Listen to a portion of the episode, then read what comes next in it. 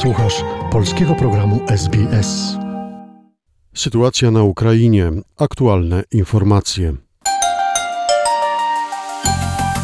Premier Scott Morrison dokonał porównania między wojennymi doświadczeniami Australii a obecną sytuacją na Ukrainie. Kampania w wyborach federalnych zostanie dzisiaj wstrzymana z okazji Dnia Anzac. Scott Morrison i zastępca przywódcy opozycji Richard Marles uczestniczyli w porannym nabożeństwie w Darwin. Zwracając się do zgromadzenia, premier powiedział, że istnieją podobieństwa między tym, co Australia zrobiła w przeszłości, a tym, co robią Ukraińcy obecnie. Miłość do domu, rodziny, społeczności, kraju, chęć życia dla wszystkich. Ale jeśli to konieczne, poświęcenie się dla czegoś znacznie większego niż nasze życie. Dziś rano, daleko stąd, ludzie Ukrainy postępują dokładnie tak.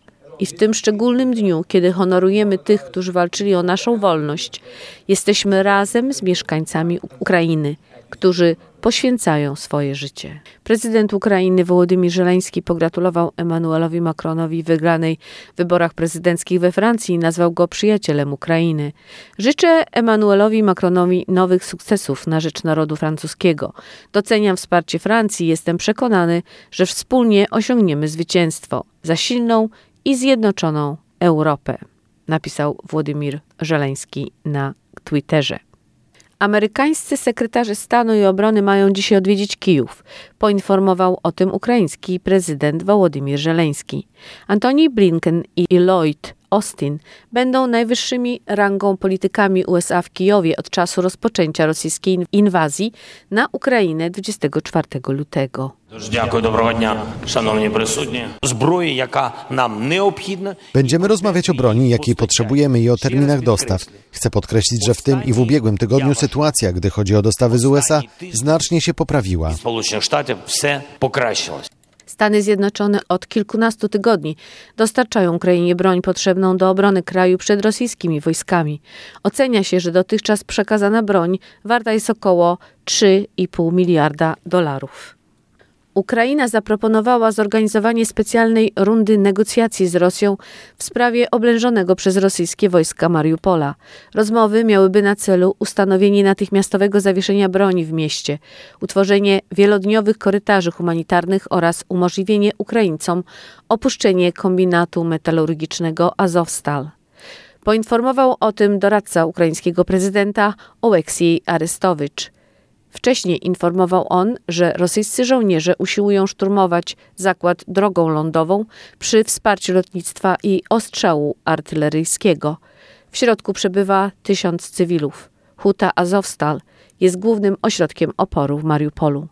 Tymczasem z powodu rosyjskiego ostrzału w dalszym ciągu nie udało się utworzyć korytarzy humanitarnych z Mariupola, poinformowała wicepremier Ukrainy Irina Wereszczuk. Jak zapowiedziała, strona ukraińska podejmie jutro kolejną próbę bezpiecznej ewakuacji cywilów z oblężonego miasta. Iryna Wereszczuk zaapelowała do sekretarza generalnego ONZ Antonio Guterresa, który w przyszłym tygodniu odwiedzi Moskwę przed wizytą w Kijowie, aby domagał się od rosyjskich władz zawieszenia broni i otwarcia humanitarnych korytarzy z Mariupola. Mariupol jest najbardziej doświadczonym przez wojnę miastem na Ukrainie. Dwa miesiące rosyjskich bombardowań spowodowały, że 90% budynków legło w gruzach. W mieście jest obecnie około 100 tysięcy cywilów, którzy nie mają jak wydostać się z kontrolowanego przez Rosjan terenu. Ocenia się, że Rosjanie są już blisko przejęcia całkowitej kontroli nad Mariupolem. Prezydent Ukrainy Wołodymyr Żeleński ostrzegł, że jeśli Ukraińcy obrońcy miasta zostaną zabici, to będzie to oznaczało koniec wszelkich negocjacji pokojowych z Moskwą. Materiał opracowano na podstawie doniesień Newsroomu SBS oraz informacyjnej agencji radiowej. Polub nas na Facebooku, udostępnij innym, skomentuj, bądź z nami na polskim Facebooku SBS.